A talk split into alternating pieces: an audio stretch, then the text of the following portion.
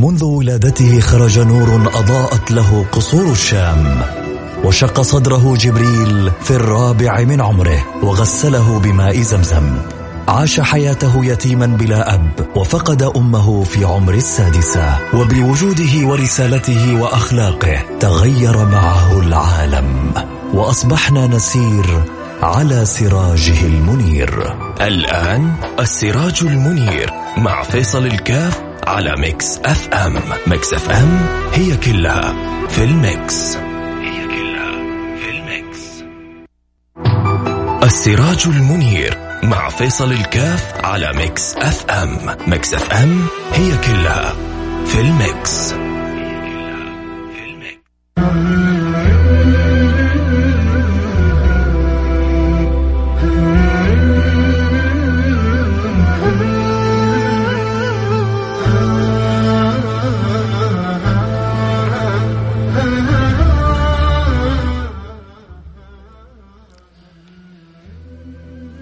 بسم الله الرحمن الرحيم الحمد لله والصلاة والسلام على رسول الله وعلى آله وصحبه ومن والاه حياكم الله أحبتي في برنامج السراج المنير البرنامج الذي نتذاكر وإياكم فيه أخبار البشير النذير الحبيب المصطفى صلى الله عليه وعلى آله وصحبه وسلم وما زلنا وإياكم متواصلين في علم الطب النبوي وما أحوجنا وما أكثر حاجة الأمة والعالم إلى التأمل أكثر وأكثر في هذا الطب وفي هذا العلم التي الذي جاء من أجل عالم من أجل من نزلت عليه العلوم على قلبه. حبيبكم المصطفى صلى الله عليه وعلى آله وصحبه وسلم. ولا شك أن كلامه دواء وفي كلامه دواء. أن كلامه طب وفي كلامه طب. لكن لمن عرف كيف أن يستقي ذلك الطب ذلك الشفاء من لسان الحبيب المصطفى صلى الله عليه وعلى آله وصحبه وسلم. ما أجمل تلك العقول؟ بل وتلك القلوب والأرواح التي تستقي معاني الطب والشفاء والفلاح من سيد الأرواح حبيبنا محمد صلى الله عليه وعلى آله وصحبه وسلم. تكلمنا عن طب الأجساد وقلنا أن الطب لربما يمر بثلاثة أنواع طب الأجساد وطب النفوس وطب الأرواح. طب الأجساد ما شاء الله تبارك الله. حقيقة يعني الثورة العلمية الحاصلة فيه شيء مذهل. شيء مذهل وإن شاء الله القادم أجمل وأحلى لاكتشاف ما هو ما زال مستعصيا الآن. ولكن يقيننا لأن النبي صلى الله عليه وعلى آله وصحبه وسلم أوصانا بالتداوي. وأخبرنا أنه ما أنزل الله داء إلا وأنزل له دواء. فمهما كان الأمر مستعصي تأكدوا أن له دواء. إن لم يأتي اليوم سوف يأتي غدا بإذن الله سبحانه وتعالى. آه من تمر عليهم الأزمان ويعيشون ذلك الابتلاء ولربما تنتهي أعمارهم ولم يصلوا الناس إلى الدواء فلا شك أن ما كان ما كانوا فيه من الابتلاء لهم في رقي ودرجات عند الله سبحانه وتعالى. وما يحصل بعد ذلك من الألطاف ومن العوافي ومن تمام الشفاء. فضل من الله سبحانه وتعالى هو كما قالوا عرف الضعف فأجر اللطف. عرف الله الضعف بعباده فأجر اللطف فيسر لهم معرفة الدواء. فهذا طب الأجساد حقيقة حصل فيه تقدم كبير جدا في هذه الأزمان.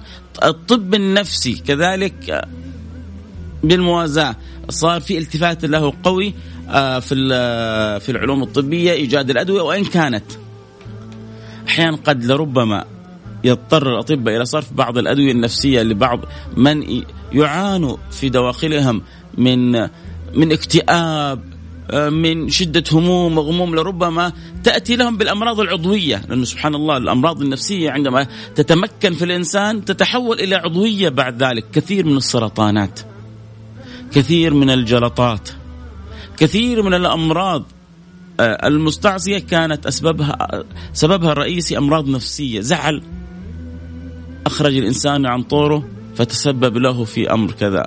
غضب صدمة فكلها أمور نفسية لم يستطع أن يتمالك نفسه معها أدت إلى أمراض عضوية. وكذلك الطب يعني أخذ فيها ما أخذه والنبي صلى الله عليه وعلى آله وصحبه وسلم عالجهم بالعلاج الأسهل الأيسر. الأبسط الذي يعالج من هذه الأمراض آه، النفسية. مثل وصية النبي صلى الله عليه وعلى آله وسلم من لزم الاستغفار جعل الله له من كل هم فرجا ومن كل ضيق مخرجا ورزقه من حيث لا يحتسب. الذي بيعود نفسه فهذا علاج. واحد يقول لك يا أخي أنا أبغى علاج أنا أبغى ميديسن أبغى دواء أبغى يا رجل يا رجل اسمع. كلام حبيبك محمد. اسمع كلام الطبيب الأعظم. بالذات هو النبي ان يكلمك عن الهم وعن الغم وعن الضيق. إذا تشعر بهم وبغم وبضيق النبي صلى الله عليه وعلى آله وصحبه وسلم يقول لك عليك بالاستغفار. من لزم الاستغفار جعل الله له من كل هم. مطلقة. علاج نفسي مطلق. ولذلك دائما بنقول لكل من عندهم هم عندهم غم عندهم اكتئاب لازم الاستغفار والصلاة على النبي المختار. وأبشروا بكل الأخبار السارة وابشروا بالخيرات. هموم الدنيا وهموم الآخرة مقضية بالاستغفار والصلاة على النبي المختار. لما جاء أبي بن كعب قال يا رسول الله كم أجعل لك من صلاتي؟ قال له ما شئت. انت انت تبغى تصلي علي انت الكسبان. انت مشغول عني الأمر يرجع لك. ما شئت. قالوا إذا أجعل لك ربع من صلاتي. قالوا إن شئت وان زدت فخير. إذا أجعل لك نصف من صلاتي. قالوا إن شئت وان زدت فخير. قال إذا أجعل لك صلاتي كلها. أنا أخلي وقتي المخصص لقيام الليل اغلى وان لم يكن كله كله صلاة عليك يا رسول الله. النبي قال له قالوا إذا تكفى همك ويغفر ذنبك. أنت حتكثر من الصلاة علي؟ أبشر أنه قلبك ما حيعرف الهموم في الدنيا. علاج نفسي. علاج لمن يشعر إنه عنده مرض نفسي. لكن للأسف للأسف البعض لا يحسن مع كونه مسلم. لا يحسن استخدام تلك العلاجات. وإذا استخدمها لا يستخدمها بقوة. ولا وهذه الأمور يحتاج إلى إلى يقين في القلب. النبي قال كذا إذا إن شاء الله يحصل الشفاء. أستغفر الله وأصلي على محمد. أخذ شيء من القرآن آه، الكريم ونزل من القرآن ما فيه شفاء إذا القرآن الكريم فيه آه، الشفاء لكل داء ويأخذ هذا الأمر بقوة وبإذن الله سبحانه وتعالى يرى العجب العجاب، هذا فيما يتعلق بأمر النفس والهم والغم. فقلنا أن الطب الجسدي يتشارك آه لربما حصل فيه من التقدم البشري الشيء الكثير. الطب النفسي كذلك الطب البشري ما شاء الله تبارك الله أخذ فيه خطوات وإن كانت كثير من الأدوية الاكتئابات أحيانا تجعل الإنسان شبه مدمن وربما يصعب عليه تركها بعد ذلك ولربما تصلح أشياء وقد تخرب أشياء أخرى. ولكن نعتبر أنه كذلك فيها شيء من التقدم. أما الطب الذي يعجز عنه البشر كلهم ولن تجد له شفاء ودواء لذلك الداء إلا عند عند طبيب واحد. عند الحبيب المصطفى صلى الله عليه وعلى آله وصحبه وسلم طب القلوب. طب القلوب هذا لن تجده إلا في الطب النبوي. طب القلوب هذا لن تجده إلا عند الحبيب المصطفى صلى الله عليه وعلى آله وصحبه وسلم ولذلك من أراد أن يهتم بهذا القلب. هذا القلب اللي انت أنت مجبر أنت مجبر على الاهتمام به. ليش؟ لأنه هذا القلب هو اللي حياخذك إما إلى بر النجاة أو إلى دائرة الهلاك. يوم لا ينفع مال ولا بنون إلا من أتى الله بقلب سليم. فانت مهمتك في الدنيا يا سيدي الفاضل ويا سيدتي الفاضلة يا أختي العزيزة مهمتنا في الدنيا إنه وإحنا فيها كيف نجتهد حتى نخرج من هذه الدنيا وقلوبنا سليمة من الأمراض سليمة من الأوبئة سليمة من كل خزي وعار. هذا ما يكون إلا بالتطهير والتعطير والتنوير. هذا ما يكون إلا بالتنظيف. وحتى حتى يكون قلبك نظيف. لابد أن تكون متصل بالحبيب اللطيف. حبيبك محمد صلى الله عليه وعلى آله وصحبه وسلم. الذي يعرفك على كل ذوق جميل لطيف خفيف. فيصبح القلب نظيف. إن الله لا ينظر إلى صوركم ولا إلى أجسادكم ولكن ينظر إلى قلوبكم. للأسف للأسف للأسف. تربينا وصرنا في كثير من أحياننا أن الولد إن أصيب بشيء في جسده. البيت كله يتحرك. المجتمع كله يتحرك. لأنه هذا ينزف إصبعه أو لربما هو موجوع في شيء من جسده. وعندما يتوجع القلب وعندما ينزف القلب وعندما يتلوث القلب وعندما يمرض القلب قلما تجد من يلتفت إلى كيفية علاجه. من فين قلت إن القلوب تمرض؟ ربنا بيقول في القرآن الكريم في قلوبهم مرض. إذا ما انتبهوا وتصلحوا وتابوا ورجعوا حيزيدهم الله سبحانه وتعالى من ذلك ما في قلوبهم مرض فزادهم الله مرضا.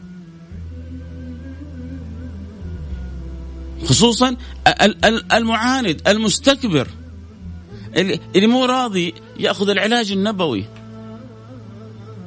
وفي ناس الدواء كاد أن يصلهم. الشفاء كاد أن يحصل لهم.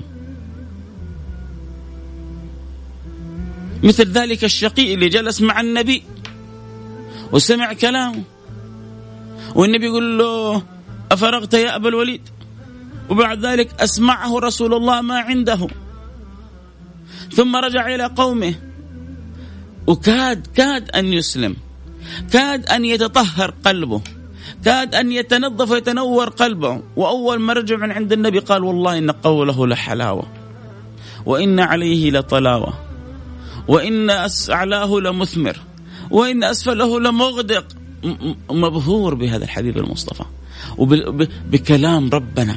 ولكن القلب لما كان ممتلئ سواد القلب لما كان ممتلئ مرض وصل إلى مرحلة سرطان القلوب فكان لابد أن يستأصل ذلك بكله. في قلوبهم مرض فزادهم الله مرضا. اليوم حديثنا عن عن عن عن طب القلوب. هذا اللي بيقول فيه الإمام ابن القيم أما طب القلوب أرواح. فلا يتوصل إليه إلا بوحي الكتاب والسنة. ويشمل هذا النوع من الطب تهذيب النفوس ورياضتها ودفع هواها وإصلاح العقل والفكر والحث على الفضيلة. ومجانبة الرذيلة هذا الطب عندما تطيب وتطبب عندما تطيب وتطبب به قلبك تصبح أنت إنسان حتى جسدك يقرب من الفضيلة ويبعد عن الرذيلة. هذا الطب لن تجده إلا في صيدلية حبيبك محمد. إلا في صيدلية سيدنا محمد صلى الله عليه وعلى آله وصحبه وسلم. كثير يتكلمون عن طب الأجساد الطب البشري. ما عرفوا إنه ما أدركنا نسمع وكلنا يحفظ لكن ما أدركنا حقيقة كلام النبي إن في الجسد مضغة. إذا صلحت صلح الجسد كله. مو بس صلحت صلاح معنوي لا حتى صلاح حسي. لأن القلوب السليمة المسلولة السخيمة التي تحسن معاني الصفا والنقى والطهارة آه، والاصطفاء هي لا تعرف لا غل ولا حسد ولا حقد ولا غضب في غير محله ولا انفعال على الدنيا. هو يعرف أن المخبأ له فيها بعد ذلك أكبر عند الله سبحانه وتعالى فأموره كلها تحت السيطرة. فلذلك تجد بحسن إدراكه لهذا الطب متجه نحو الفضيلة ومبتعد عن الرذيلة. نسأل الله سبحانه وتعالى أن يملأ قلوبنا من, من هذا الطب. فلذلك يقول هذا الطب يؤدي بك إلى الفضيلة ومجانبة الرذيلة والخلق الدني والكذب والحقد ويجعل لك سلامة الصدر والبعد من الحسد والغش والنفاق وشر شر النفوس. كل هذا لن تجده إلا عند الحبيب المصطفى صلى الله عليه وعلى آله وصحبه وسلم. خلونا نذكر لكم كذا أمثلة من طب القلوب اللي ما يقدر عليها إلا النبي محمد صلى الله عليه وعلى آله وصحبه وسلم ومن ومن صار على هذه المدرسة لأنه الحمد لله سر الله في أرض لا ينقطع. والعلماء العلماء العارفون بالله، العلماء الأتقياء آه، العلماء لأنه العلم له ليس هو مجرد معلومات العلم نور يا سادتي العلم خشية كل بذلك يعرف أهله. ولذلك اعتبر العلماء الحقيقيون هم هم ورثة الأنبياء.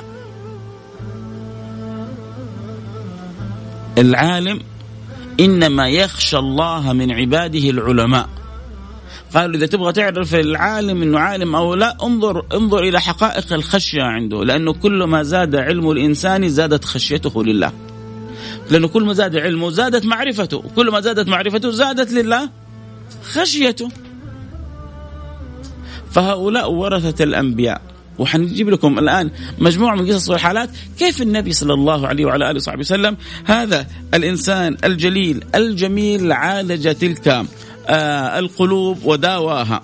مثلا قصة ذلك الرجل الذي جاء إلى النبي المصطفى وقال يا رسول الله ائذن لي بالزنا.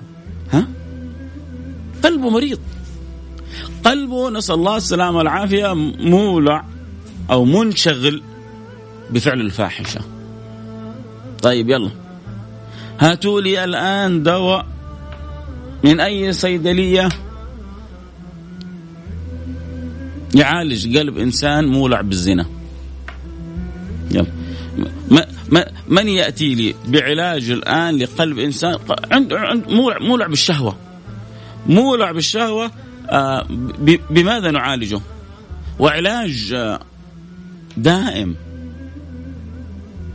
علاج مستمر. ليس علاج مؤقت أعطي له أنا مهدئات أو كذا ثم بعد ذلك أو ألغي عنده شهوته تماما. ممكن اعطيه بعض الأدوية البشرية اللي خلاص تجعله لربما يشوف المرأة والجدار كأنهم شيء واحد. لا أنا كذا أضريت بفطرته أضريت بإنسانيته. لا آه، علاج يصوب الفطرة الإنسانية. جاء رجل قال يا رسول الله ائذن لي بالزنا. يا لطيف اللطفاء بعض الصحابة اللي حول النبي تأثروا وحتى كادوا يعني يسيئون له فالنبي صلى الله عليه وسلم صرفهم وناداه. قال أترضاه لأمك؟ قال لا. قال لك وكذلك أمهات الناس لا يرضين. أترضاه لأختك؟ قال لا. قال لو كذلك هم أهلهم لا يرضى. أترضاه لبنتك؟ أترضاه لخالتك؟ أترضاه لعمتك؟ في كل مرة يقول لا. وكذلك خالات الناس لا يرضى وكذلك عمات الناس لا. فلما حاوروا بالحوار العقلي المقنع ليزيل عن عنده القناعة أتممها بالمسحة النبوية. أتممها بقراءة شيء من الأذكار. أكرم أتممها بالصلاة على النبي المختار. فمسح رسول الله صلى الله عليه وعلى آله وصحبه وسلم على قلبه. ودعا له.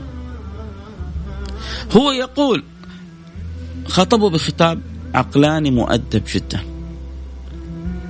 الآن لو واحد جاء خلي الآن ولد يقول لأبوه يا أبويا نسأل الله السلامة والعافية.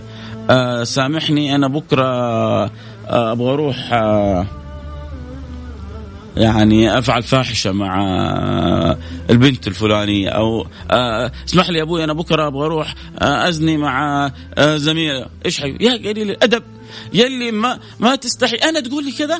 لا وجاي بكل عين ووقاحة وتقول لي وأنا أبوك كذا؟ أنا ما ربيتك وأنا. هو الآن عنده مرض. والمريض لما يجي للمستشفى ينبغي أول حاجة أن تعالج المرض. بعدين عندك ملاحظات خليها ناقشها. إحنا دائما نحاول أن نشفي ما في صدورنا ولو على حتى حساب الآخرين. آه أن آه نتفاعل بانفعالاتنا ولو كانت مؤذية للآخرين. النبي ما عاتبه وما قال له أنت ما تستحي. أنت قليل ادب أنا نبي الله تقول لي إنك تبغى تروح تسوي حاجة تغضب الله؟ ما ما عاتبه ابدا النبي. النبي خاطبه بخطاب عقلاني. يدركه ويفهمه ويزيل الوسخ من قلبه. السر بعد ذلك في المسحة القلبية هذه وفي الدعوات النبوية. الرجل انقلب 180 درجة. قال فما أصبح لي بعد أن بعد أن رفع رسول الله يده من على صدره فما أصبح شيء أبغض إلي من الزنا. لسه قبل لحظات كان أحب شيء له الزنا نسأل الله السلامة والعافية. يبغى يزني عنده طاقة. بس واضح وصريح. لحظات من العلاج القلبي النبوي وإذا بالرجل هذا ينتهي عنده هذا الأمر كله. وما زال الحمد لله هناك من الورثة ولا زال هناك من العلماء الأفاضل أهل الصدق والتقى والنقى. من لو إذا مسحوا على قلب مغشوش أو صادق أو مبتلى أو مريض يحصل لهم بإذن الله فلا شافي إلا الله. لكن كم من أمراض القلوب هذه تحتاج إلى مساحات وإلى دعوات وإلى استغفارات حتى تجلو وتصفو من الكدورات. فضالة، تعرفون قصة فضالة؟ فضاله بعد فتح مكة والنبي صلى الله عليه وعلى آله وصحبه وسلم يطوف. طبعا كثير أغلبهم دخلوا في الإسلام أهل قريش. فبعضهم دخل الإسلام عن قناعة وبعضهم خلاص شاف الغلبة وبعضهم نفاق مجبر خلاص حصل الفتح. والنبي صلى الله عليه وعلى آله وسلم خطب فيهم. وقال من دخل دار أبي سفيان فهو آمن ومن جلس في بيته فهو آمن وأمنهم. ودخلت الناس أفواج في دين الله سبحانه وتعالى. فضال إيش حيسوي؟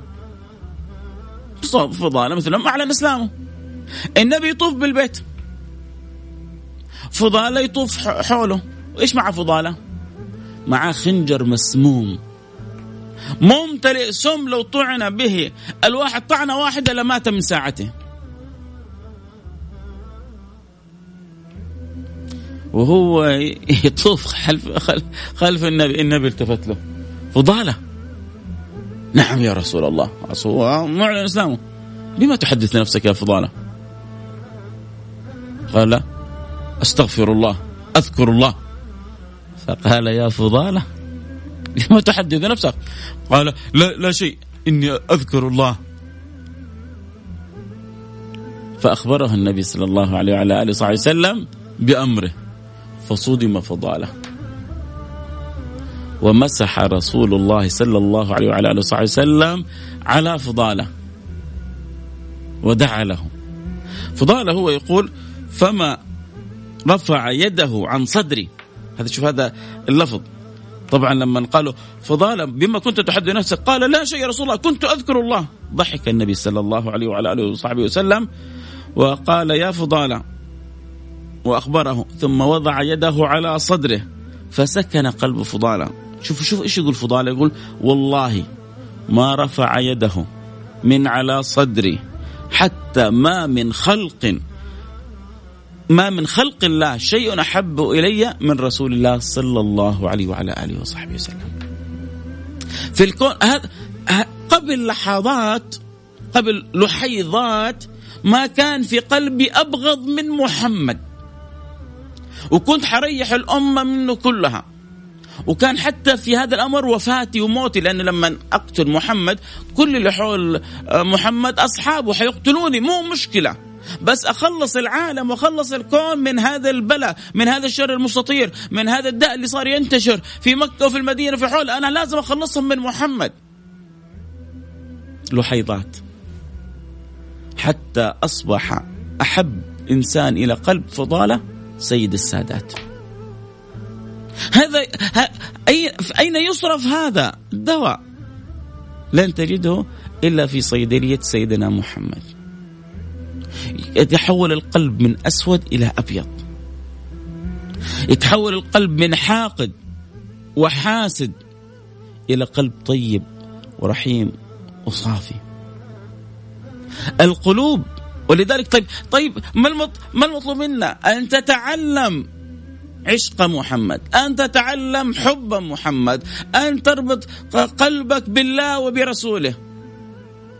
ثلاث من كن فيه وجد بهن حلاوة الإيمان أن يكون الله ورسوله أحب إليه مما سواهما. عندما يمتلئ القلب بحب الله وبحب رسوله أمورك طبك شؤونك كلها تستقيم معك يا سيدي الفاضل.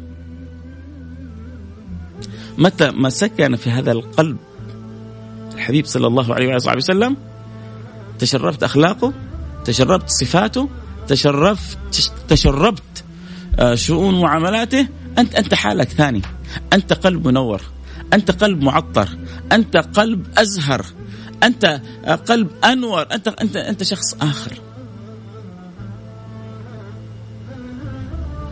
تطهير القلوب وتعطيرها بكثرة الاستغفار والصلاة على النبي المختار صلى الله عليه وعلى آله وصحبه وسلم. مرينا في عجالة على بعض الحالات القلبية التي أصابها النبي صلى الله عليه وعلى آله وصحبه وسلم حتى حصل لهم الشفاء والتطهير. وكيف بعض الحالات؟ مثل حالة أبو الوليد وكان قربه من العلاج. وتطهر قلبه إلا أن غلبت الشقاوة عليه. أبعدته كيف أن سيدنا عمر لما جاء عن سيدنا رسول الله وقالوا النبي صلى الله عليه وسلم أما أنا لك أن تسلم يا عمر وهز بتلابيبه وكأنه نفض قلبه من السوء ومن الشر؟ قال بلى يا رسول الله أشهد أن لا إله إلا الله وأن محمد رسول الله. ما أعظمك يا طبيب القلوب؟ ما أجلك وأجملك يا حبيبي يا رسول الله. هذا الحبيب المصطفى هو طبيب للقلوب وهو طبيب للأبدان. حنذكر إن شاء الله حالات لصحابة وعمليات. أجزم لكم وأنتم تسمعوا الأخبار التي امتلأت في كتب الأحاديث والسير للحبيب المختار إنه في طبيب يقدر يسوي مثل هذا الطب. عين تخرج من مكانها فتعاد في في في ثواني. يد تقطع. جزء يلدغ. امرأة تصرع إنسان يصاب بالعمى. في لحظات حبيبكم محمد يعمل العمليات. يرجع الإنسان أحسن مما كان. ما زال الحديث بقية. مع هذا الحبيب مع الطبيب الأعطر الأنور الأزهر الأفخر صفة مضر حبيبكم محمد صلى الله عليه وعلى آله وصحبه وسلم. الله الله يجعلنا من المتشبهين بمن تشرفوا بذكر النبي وبالإخبار بسيرة سيد رسول الله وبنشر أخبار رسول الله. حتى أدخل أنا وإياكم في قول الله سبحانه وتعالى ورفعنا لك ذكرك يجعلنا الله أسباب في هذه في في فخامة وجمال وعظمة هذه الآية ورفعنا لك ذكرك في صاحب الذكر المرفوع حبيبكم محمد صلى الله عليه وعلى آله وصحبه وسلم. الله يوفقنا وإياكم لما يحب ويرضى. اللهم آمين يا رب العالمين. حياكم الله أحبتي. نروح فاصل سريع وحنرجع نواصل. وحذكر لكم أمثلة من قصص أخبار الصحابة وقصص العمليات النبوية اللي سواها لهم في اللحيضات ويعني وثواني معدودات. آه البث آه الآن يبغى يتابع الحلقة ممكن يتابعنا عبر الإنستغرام live آه at فيصل كاف أو عبر تويتر at فيصل كاف. آه الأفضل يكون عبر تويتر. على تويتر @فيصل كاف F A I S A L K A F وطبعا في المساء بإذن الله سبحانه وتعالى الحلقة على قناة إقرأ في الساعة التاسعة مساء كل جمعة وسبت مشكورين آه ما بيقصروا بيصوروا حلقه ويرجعوا يبثوها فلهم منا كل الشكر. فاصل سريع وحنرجع نحكيكم أخبار البشير النذير مع أصحابه رضوان ربي عليهم أجمعين. آه الحديث عن النبي متعة سعادة فرح أنس سرور لأنه نتكلم عن أحب محبوب عند رب العالمين. الله يرزقني وإياكم صدق محبته. يا رب. ويدخلنا في دوائر أحبته. يا جماعة والله والله والله لو لو فقدت كل شيء لو فقدت كل شيء ولكن مع قلب يحب الله ورسوله أنت كسبت كل شيء. احفظوا هذه العبارة الجميلة. من وجد الله ماذا فقد؟ ومن فقد الله ماذا وجد؟ والله لو وجدت صلتك بالله وفقدت كل شيء في الكون انت كسبان. ولو عندك مليارات الدنيا ولكنك مقطوع الصلة بالله والله انت خسران.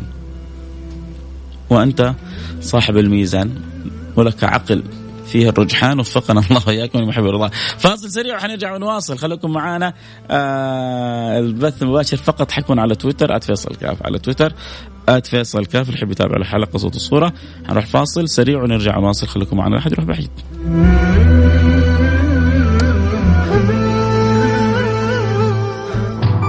السراج المنير مع فيصل الكاف على Mix FM. Mix FM هي كلها في ال mix. السراج المنير مع فيصل الكاف على Mix FM. Mix FM هي كلها في ال mix.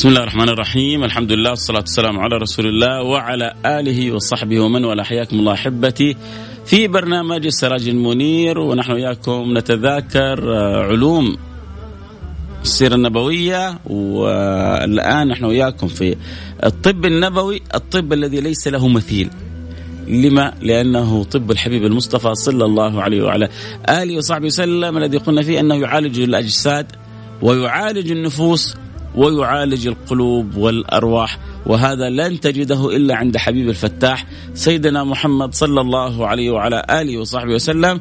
كما إني أجزم لو تأملنا ولو بحثنا ولو دققنا في كلام النبي انه كثير من الأمراض المستعصية الآن لوجدنا لها في كلام الحبيب المصطفى ما يعين البشرية على الشفاء. لكن ما زال الطريق طويل حتى نخدم سيرة الحبيب الجميل الجليل سيدنا محمد صلى الله عليه وعلى آله وصحبه وسلم. لكن الذي يعطينا الدافع القوي واليقين القوي أنه النبي قال ما, ما أنزل الله من داء إلا وأنزل له دواء.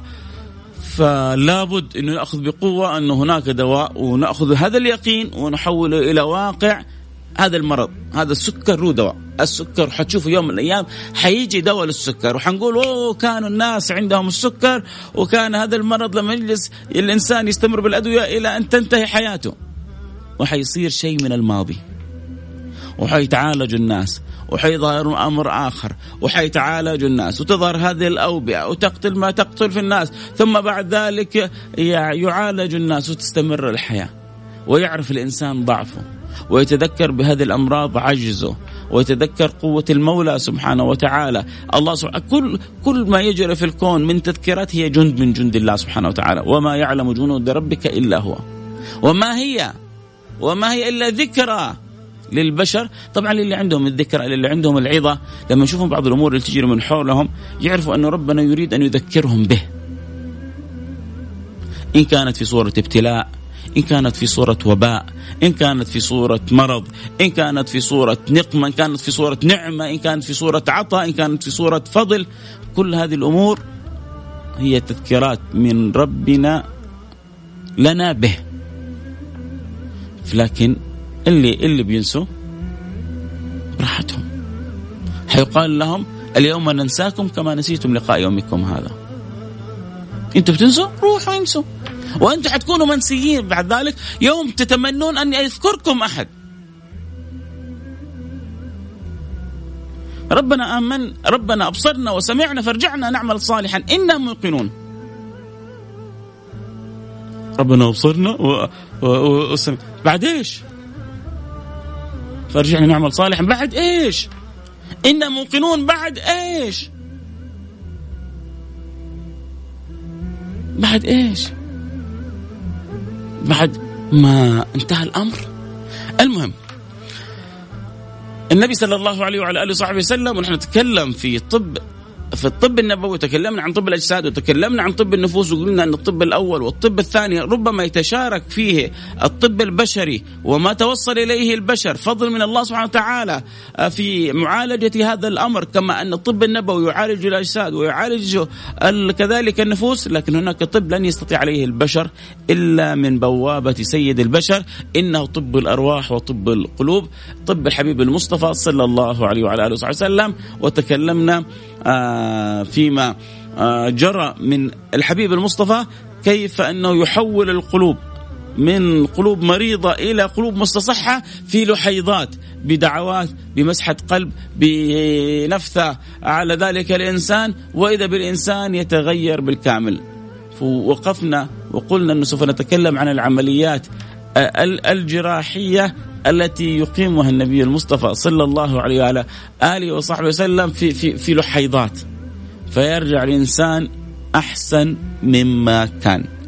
لكن خلونا نذكر في البداية القصة التي لربما الكثير يستأنس بسماعها قصة سيدنا أبو بكر الصديق.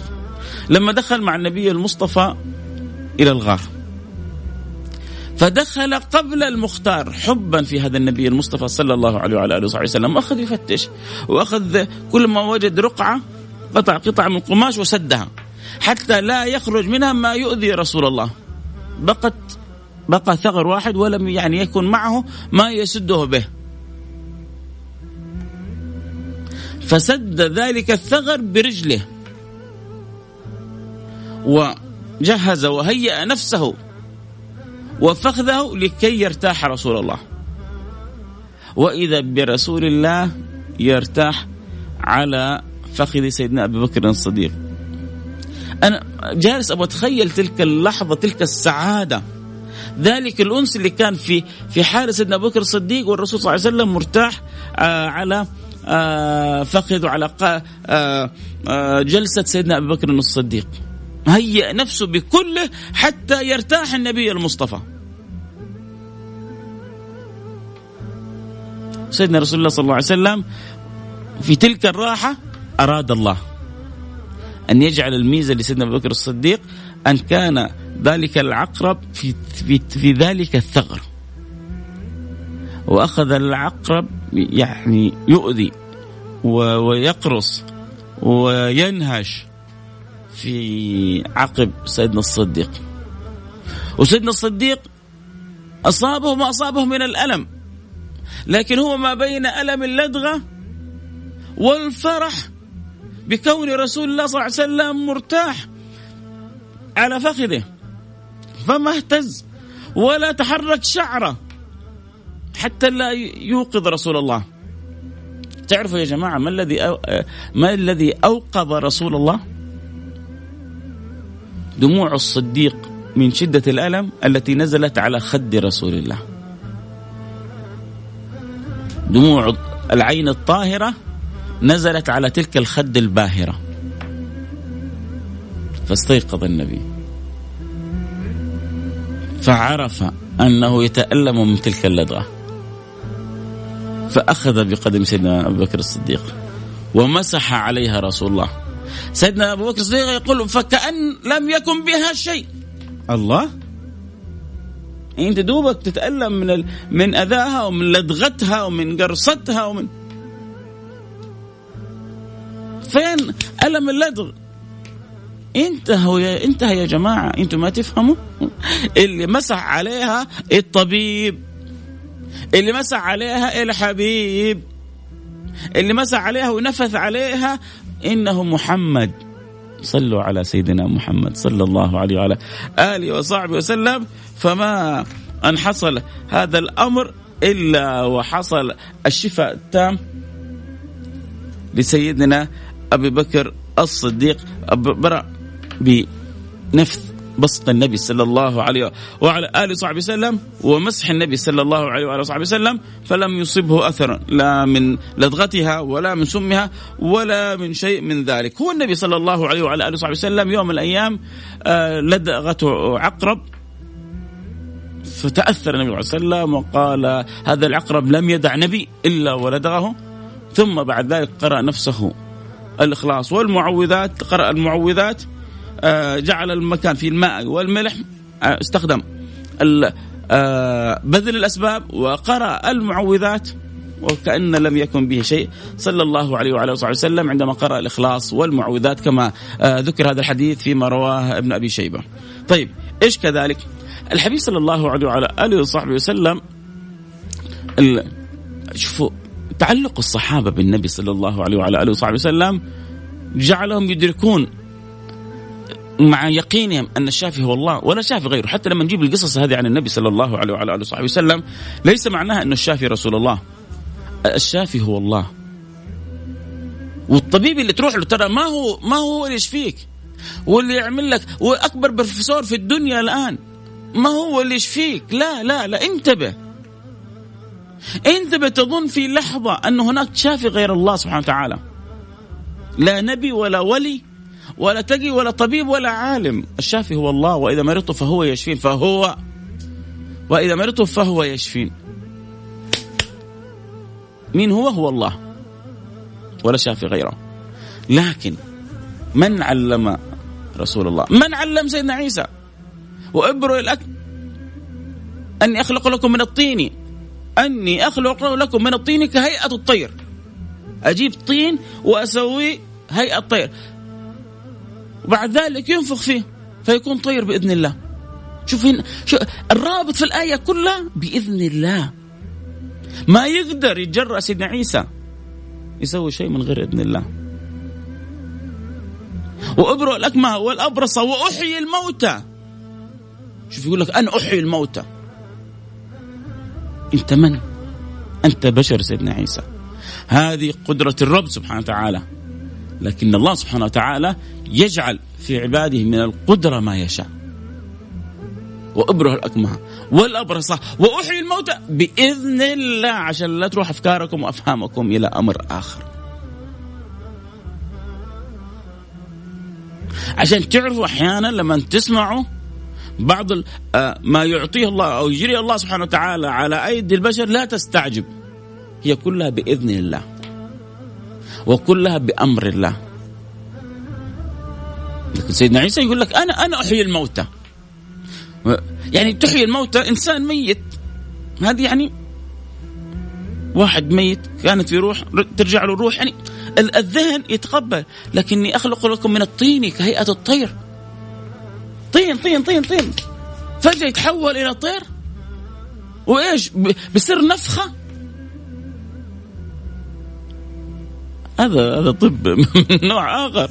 يجي يقول لك يا أخي هؤلاء أنبياء يا سيدي المعطي الله المعطي الله المعطي الله. وما قصر عطاؤه لا على نبي ولا على ولي يعطي من يشاء. يؤتي الملك من يشاء وينزع الملك ممن يشاء. يعطي من يشاء ويأخذ ممن يشاء. يكرم من يشاء ويتفضل على من يشاء ويمنع من يشاء. إنه الله يا جماعة. لازم ندرك عظمة الله ولازم نتأدب مع عظمة الله سبحانه وتعالى. نستكثر على فلان. لا لا لا ما يقدر فلان يسوي. لا لا. يا أخي يقدر يسويها بأمر الله. إذا ربي أراد وهنا تنتهي الحكاية. إذا ربي أراد فلان يقدر يسوي كل شيء. وإذا ربي ما أراد تنتهي الحكاية. والله ما يقدر يسوي شيء. عشان كذا ال...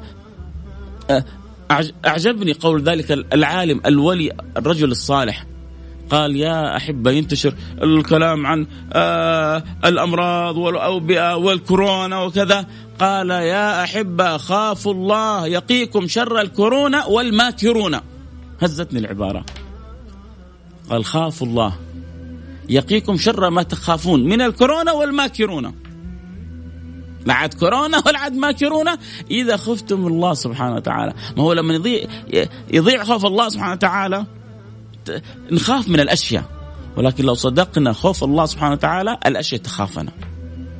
الله يملأ قلوبنا خوف ومحبة، الشاهد إنه سيدنا رسول الله صلى الله عليه وعلى آله وصحبه وسلم الصحابة كانوا إذا أصابهم أمر ما عندهم إلا الحبيب المصطفى صلى الله عليه وعلى آله وصحبه وسلم، ولذلك عثمان بن حنيف ذكر حديث عجيب. أن رجلا ضريرا ضرير البصر أتى للنبي صلى الله عليه وسلم وقال يا رسول الله ادعو الله لي. أن يكشف الله لي عن بصري أن يعافيني الله. قال إن شئت دعوت لك وإن شئت صبرت. لك الجنة. قال ادعو يا رسول الله لي. فأمره أن يأتي الميضاء مصر هذا مصر أنت طبيبي. يا أخي أنا أنا يعني ممكن واحد يقول أنا نبيك. أنا أعلمك الدين أعلمك الرسالة أعلمك الأحكام الشرعية. يا أخي أنت ربي أصابك بالعمل. إيش لي أنا في الموضوع ده؟ هم ما عندهم الكلام هذا. هم يعرفون أنه هذا هو حبيب الله وأنه الشافي الله وأنه رسول الله إذا أراد حقق الله مراده. مثل ما قالت سيدتنا عائشة للنبي إني لأرى ربك يسارع في هواك يا محمد. إني لأرى ربك يسارع في هواك. الشيء اللي بتحبه حتى من قبل ما تقوله ربنا بيكرمك إياه. قد نرى تقلب وجهك في السماء. فلنولينك قبلة ترضاها. ما طلب من ربنا. بس في قلبه. في قلبه يتمنى إنه القبلة تكون إلى الكعبة لأنه هو أول بيت. إن أول بيت يوضع للناس للذي ببكة. هذا أول بيت والقبلة آه، الأولى. ففي داخله يتمنى. ما طلب. من قبل ما يطلب. فلنولينك قبلة ترضاها. وانت حط تحت ترضاها ألف خط وعيش معناها. إيش؟ إيه إيش هذا؟ الحب من الله لحبيبي محمد. فما يعرفون إنه هذا الطبيب إن أراد حصلت له الإرادة بأمر الله سبحانه وتعالى. يا رسول الله ادعو الله أن يكشف لي عن بصري. مريض أعمى. فالنبي صلى الله عليه وسلم شافه مصر ويقين وقوة قال له ائت الميضاه ثم توضأ. ثم صل ركعتين. ثم قل اللهم إني أسألك وأتوجه إليك بنبيك محمد نبي الرحمة. نبي الرحمة. مين اللي علمه الدعاء هذا؟ النبي محمد صلى الله عليه وعلى آله وصحبه وسلم. يا محمد إني توجهت بك إلى ربي في حاجتي هذه. فتقضى لي. اللهم شفعه في وشفعني فيه قال ففعل الرجل فبرأ. الرجل النبي قال له روح وتوضأ وصلي ركعتين وقول الدعاء هذا. الرجل أخذها بقوة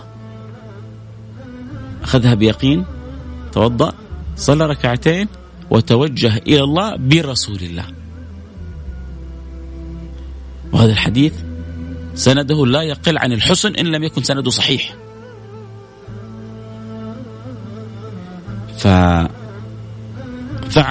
فبرأ. حصل له الشفاء. إيش إيش هذه العملية اللي تحصل بهكذا لحيضات؟ لا لا لا لا. أنا أقول لكم الان أحكيكم على قصة آه، أصعب. على عملية ربما أصعب. هذا واحد عنده ضعف في النظر عنده عدم نظر وعلمه النبي كيف يرجع النظر. لا. قتادة بعد أحد الغزوات خرجت عينه من مكانها. نزلت عينه من مكانها. طيب إيش إيش الخبر؟ راح عند النبي خير البشر. هذا هو الخبر. قال يا رسول الله عيني. النبي صلى الله عليه وسلم نفث في عينه فارجعها فعادت أحسن مما كانت.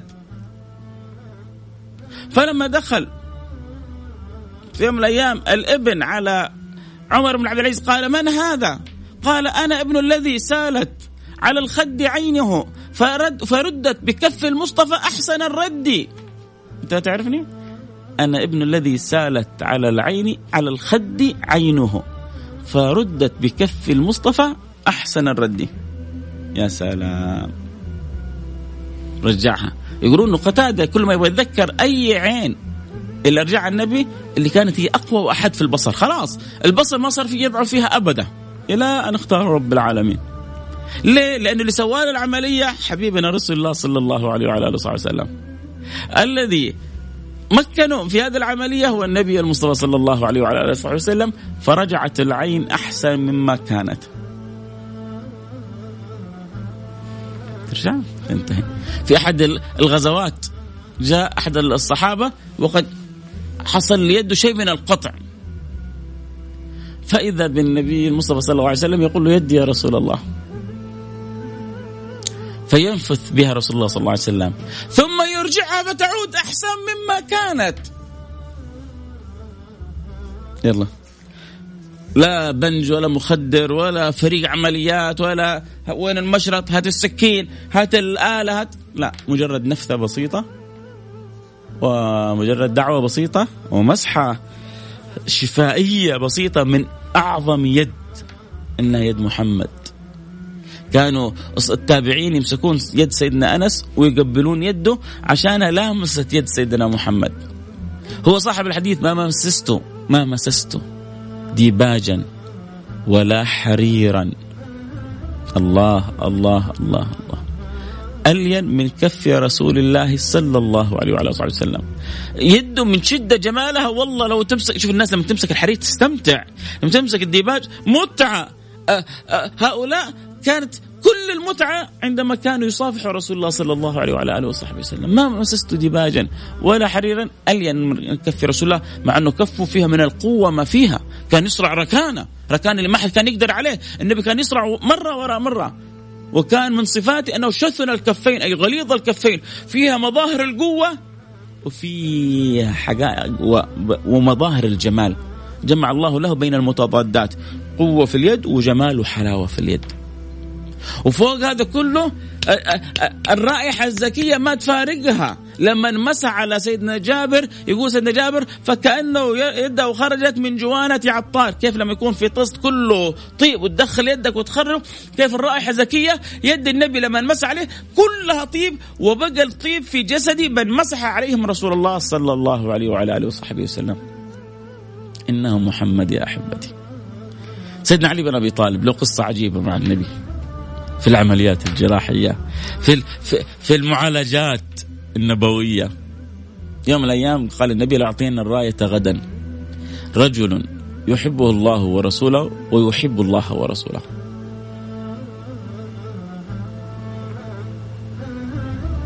من هذا الرجل؟ لأعطين الراية غدا رجل يحبه الله يحب الله ورسوله ويحبه الله ورسوله، أنت كونك تحب الله ورسوله هذه كلنا كلنا نحب الله ورسوله، لكن الميزة والعظمة شهادة من النبي أن الله ورسوله يحبونه كذلك. هذا اليوم الوحيد اللي في الحياة اللي سيدنا عمر قال كنت أتطلع فيه إلى الإمارة. أيوه أنا أبغى أصير أمير بكرة. عمرهم ما يفكرون في الأمارة، هم الفتيه الفتية يتدافعون كل واحد يهرب منها. فإنه يصير أمير؟ لكن ذلك اليوم في شهادة من النبي. فصاروا كل الصحابة أول ما صلى النبي الفجر قدام النبي. كل واحد يستحرى يقول له ها أنا موجود يا رسول الله. ها أنا كل واحد منهم يبغى يفوز بالأمر هذا. تخيل النبي اختار مين؟ التفت يمنى التفت يسرى. اللي يبغاه مو موجود. قال لهم أين علي بن أبي طالب؟ فرحوا. ليش فرحوا؟ لأنه لو جاب اسم من الأسماء الموجودة أمامه ما طلع هو. راح عليه راحت عليه الفرصة. لما يصير سحب يقول لك السحب الآن على الموجودين وتسحب والاسم اللي انسحبت له الجائزة غير موجود تفرح. تقول لسه في أمل إنه أنا أفوز بالجائزة اللي بعدها. ففرحوا إنه سيدنا علي بن طالب. قالوا إنه ليس موجود يا رسول الله إن به رمد. قال ائتوا به. لا هي هذه المنقبة نازلة له كذا مفصلة مفصلة لسيدنا علي بن أبي طالب. هي نازلة له هذه المنقبة. ما ما حتروح لغيره. في تلك الساعة. تلك المنقبة نازلة لسيدنا علي بن أبي طالب. ائتوا بعلي جاء جيء بسيدنا علي. دعا له النبي. حصل له الشفاء من الحبيب المصطفى بأمر المولى. تعالى في علاه. دخل وذهب وحصل النصر في تلك الغزوة توجيه من حبيبنا محمد صلى الله عليه وعلى آله وصحبه وسلم. أين أبا تراب؟ أين علي بن أبي طالب؟ إن به رمد رسول الله حتى لو برمد هذه المنزلة له. عنده رمد الان الآن نصرفه الآن الآن ننهي. هكذا هو حبيبكم محمد صلى الله عليه وعلى آله وصحبه وسلم. آه ربما نختم والوقت معنا طبعا يضيق والكلام والقصص هذه لا تنتهي. كيف أنه هذا الحبيب المصطفى كان طبيبا وهو حي وطبيب وهو ميت. كيف كان هو طبيبا وهو حي وطبيبا وهو ميت؟ جبة النبي صلى الله عليه وعلى آله وصحبه وسلم. كانت عند سيدتنا عائشة. وبعد ما توفت سيدتنا عائشة ما الذي حصل؟ أخذت هذه الجبة سيدتنا أم سلمة. طيب ماذا تعمل بها أم سلمة؟ إذا جاءها المريض غسلت هذه الجبة. طبعا هذا الحديث في صحيح مسلم. البعض لازم تأكد له فين مصدر الحديث عشان يستطيع أن يتقبل منك. طيب يلا. هذا الحديث يا سيدي الفاضل في صحيح مسلم. روى مسلم عن أسماء رضي الله عنها. قالت هذه جبة رسول الله صلى الله عليه وسلم فأخرجت جبة طيالسية كسروانية آه، لها لبنة ديباج فقالت هذه كانت عند عائشة حتى قبضت فلما قبضت قبضتها. أي سيدتنا أسماء أي الجبة هذه كانت عند سيدتنا أسماء. بعد سيدتنا عائشة. طيب ماذا تفعلين يا أسماء بالجبة؟ قالت وكان النبي صلى الله عليه وسلم يلبسها. فنحن نغسلها للمرضى يستشفى بها. يجي المريض تعبان فتقوم سيدة اسماء تجيب الجبة هذه فتغسلها بالموية تكب الموية عليها. الموية اللي تخرج من الجبة هذه تشربها للمرضى فيحصل الشفاء بأمر الله. إيش إيش الكلام؟ إيش الكلام هذا؟ يا سيدي أنت إذا علمت أن الشافي هو الله عقلك يستوعب. إذا ظنيت إن الجبة هي تشفي أو إنه فلان يشفي أو علان يشفي والله لا الجبة تشفي ولا أكبر طبيب يشفي. ولا أكبر دواء يشفي ولا أكبر. الشافي هو الله. لا لا هذا كلام غير عقلاني. اذا إن شاء الله إذا ما أدركت اليوم تدرك فيما بعد أو إذا ما أدركت الدنيا تدرك في الآخرة. هذه نصيحتي لك. سيدنا عيسى يقول لك أنف آه، آه، أجعل من الطين كهيئة الطير فأنفخ فيها يكون طيرا بإذن الله. وأبرو الاكمى والأبرص وأحيي الموت بإذن الله. وسيدنا عيسى يقدر يسوي حاجة؟ كانسان والله ما يقدر. لكن أمر الله إذن الله يجعل الإنسان عنده قدرات فوق التصورات. فلذلك سيدنا اسماء كانت تعلم أن هذه جبة رسول الله صلى الله عليه وسلم. فتغسلها. فتأتي بمائها فيشرب منه المريض فيشفى بأمر الله. طبت حيا وميتا يا رسول الله. كذا نكون مرينا مرور سريع. لم نوفيه حقه. حبيبنا محمد في علم الطب النبوي. ولكن إن شاء الله تكون هذه الحلقات فيها من التشجيع. وتحريك الهمم عند أطبائنا وعند فضلائنا أن نخدم هذا الجناب المطهر، أن نخدم هذه الشريعة المطهرة في خدمة الإنسانية، الإنسانية الآن صارت تخدمنا يعني بكل ما أوتيت من قوة، أصبحنا كأننا عالة على هذا العالم بينما يفترض أن نكون نحن سادات فيه، وحتى نكون سادات فيه لابد أن نخدم العالم، والتراث الكبير الذي عندنا من حبيبنا رسول الله يؤهلنا وهي أن نخدم الكون كله. أتمنى إنه نغوص أكثر وأكثر أكثر وأكثر في كلام حبيبنا محمد حتى نخدم هذه البشرية ونسعد البشرية بما فيه السعادة لها في الدنيا والنجاة لها في الآخرة. الله يجعلني وإياكم أسباب لهداية الأمة كلها ويجعلنا كلنا ممن يؤمن بالله ويؤمن برسوله ويكون حقيقة مستقر في قلوبنا. معاني أشهد أن لا إله إلا الله. وأن محمدا رسول الله صلى الله عليه وسلم. الله يجعلنا وإياكم فتح للخير. مغاليق للشر. اللهم آمين يا رب العالمين. وصلى الله وسلم على سيدنا حبيبنا محمد وعلى آله وصحبه أجمعين. والحمد لله رب العالمين. حياكم الله أحبتي. ما شاء الله تبارك الله. كذا يعني إن شاء الله نكون مرينا مرور آه الكرام نقول. اعتبر مرور سريع. يعني الطب النبوي يحتاج حلقات أكثر يحتاج برامج نخدم فيها آه هذا الطب النبوي. آه لكن إن شاء الله آه هي سلاسل تتواصل و آه، محبون للحبيب صلى الله عليه وسلم محبون للسيرة ولهذه العلوم المشرفة آه، يخوضون إن شاء الله جيل بعد جيل ومجتمع بعد مجتمع وناس بعد ناس. كلنا نتشرف بخدمة هذه السيرة وخدمة البشرية عبر سيرة النبي المصطفى صلى الله عليه وعلى آله وصحبه وسلم. نختم كالعادة على كالعادة حلقتنا بالدعاء. نتوجه إلى الله سبحانه وتعالى في هذا اليوم الفضيل. نتوجه إلى الله سبحانه وتعالى في هذا اليوم الجميل. نسأل الله سبحانه وتعالى أن يرضى عنا وأن يصلحنا وأن يقبلنا على ما فينا. بسم الله الرحمن الرحيم. الحمد لله رب العالمين. اللهم صل وسلم على سيدنا حبيبنا محمد وعلى آله وصحبه أجمعين. اللهم يا واحد واحد يا فرد يا صمد يا حي يا قيوم يا رحمن يا رحيم. يا من لا تخيب من دعاك ولا ترد من رجاك. نسألك أن تقبلنا على ما فينا وأن تردنا إليك. ردا جميلا. اللهم تب علينا توبة نصوح. طهرنا بها قلبا وجسما. وروح وارحمنا برحمتك الواسعة إنك أرحم الراحمين. اللهم ليس لنا رب سواك فندعوه ولا مولى غيرك فنرجوه. يا أكرم الأكرمين يا أرحم الراحمين يا رب العالمين. اللهم في هذه الأيام أشغل الناس ذا هذا البلاء. اللهم ولا يصرف البلاء إلا أنت ولا يصرف السوء إلا أنت. ولا يصرف الضر إلا أنت ولا يصرف الأذى إلا أنت. اللهم فأرنا عجائب فضلك بنا. اصرف هذا الداء وهذا البلاء عن بلادنا خاصة وعن بلاد المسلمين خاصة وعن سائر البلاد عامة. يا رب العالمين. اللهم ارفع عنا الكورونا وارفع وابعد عنا شر الماكرون. اللهم ارفع عنا الكورونا وابعد عنا شر الماكرون. اللهم ادفع عنا الكورونا وابعد عنا شر الماكرون. يا رب العالمين. ارزقنا صدق الخوف منك. حتى يخافنا كل شيء. اللهم اجعلنا ممن خافك حقيقة ولمن خاف مقام ربه جنتان. اجعلنا منهم. اجعلنا منهم. اجعلنا منهم. اجعلنا منهم. ولمن خاف مقام ربه جنتان. وأما من خاف مقام ربه ونهى النفس عن الهوى فإن الجنة هي المأوى. اجعلها مأوانا واجعلها مثوانا. وارحمنا وارحم أحبتنا برحمتك الواسعة.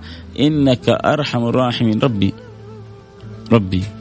ربي نسألك يا رب العالمين أن تعطينا الصحة والقوة والعافية أن توسع لنا في أرزاقنا وأن تقضي عنا ديوننا وأن تشفينا من جميع أمراضنا وأن تقبلنا على ما فينا. اللهم نسألك أن توفق خادم الحرمين الشريفين لكل ما تحبه وترضاه. اللهم وفقه وأعنه وخذ بيده لكل ما فيه الخير للعباد والبلاد. ألبسه ثوب الصحة والقوة والعافية. واجعل خير معين له ولي عهده. يا رب العالمين اجعله خير معين له واجعله ممن يدخل السرور على قلبه اجعله خير من يقوم بأمر هذه البلاد. يا رب العالمين يا رب العالمين يا رب العالمين. اللهم وكل من وليته أمر المسلمين. من لهم إلا أنت. اللهم اصلح الراعي والرحية واصلح الأمة المحمدية. اكشف الكرب وجنبنا الحروب. اللهم اكشف الكرب وجنبنا الحروب. اللهم اكشف الكروب. وجنبنا الحروب. واجعلنا مع كل طيب. ووفقنا لما تحب وترضى. يا رب العالمين. اللهم جربنا الشرور ما ظهر منها وما بطن. اللهم اجعلنا مؤيدين منصورين حيثما سرنا وحيثما توجهنا. اللهم واحفظ بلادنا يا رب العالمين من كل سوء من كل مكروه. اللهم من فكر من فكر بشيء من السوء إلى بلادنا فاجعل في تفكيره وتدبيره تدميره يا رب العالمين. اللهم إن بلاد الحرمين وحرميها فيك يا رب العالمين. وأنت الحامي ولا حامي غيرك. وللبيت رب يحميه فيا حامي البيتين. يا حامي البيتين احفظ بلادنا من كل سوء من كل مكروه. وأدم علينا فيها نعمة الأمن والأمان. وارزقنا شكر النعم. فبالشكر تدوم النعم. لئن شكرتم لأزيدنكم. ولئن كفرتم فإن عذابي لشديد. فلا طاقة لنا على عذابك. وكلنا رغبة في فضلك وعطائك. فأرنا عجائب عطائك وفضلك بنا يا رب العالمين. اللهم من يسمعني في هذه الساعة ولو حاجة في قلبه. اللهم فاجعلها ساعة قضاء للحوائج. اقضي حاجاتنا. واقضي حاجات كل من يسمعنا. واقضي حاجات المسلمين. يا رب العالمين وسع في الأرزاق. واقضي الديون. واشفي من الأمراض. وحقق المطلوب. اللهم وإن أعظم مطلب وإن أعظم مطلب وإن أعظم مطلب أحبتي يعني أبغى آمين تخرج من قلوبكم لعل الله بصدقكم أن يقبلنا يا رب. أسأل الله لي ولكم يا رب العالمين أسألك يا رب العالمين أن ترضى عنا. اللهم أسألك أن ترضى عنا رضا لا تسخط علينا بعده أبدا. اللهم ارضى عنا رضا لا شقاء بعده أبدا. يا رب يا رب يا رب يا رب. يا رب. وارحمنا برحمتك. الواسعة انك أرحم الراحمين. صلى الله وسلم على سيدنا حبيبنا محمد وعلى آله وصحبه أجمعين. والحمد لله رب العالمين. نلتقي على خير في أمان الله.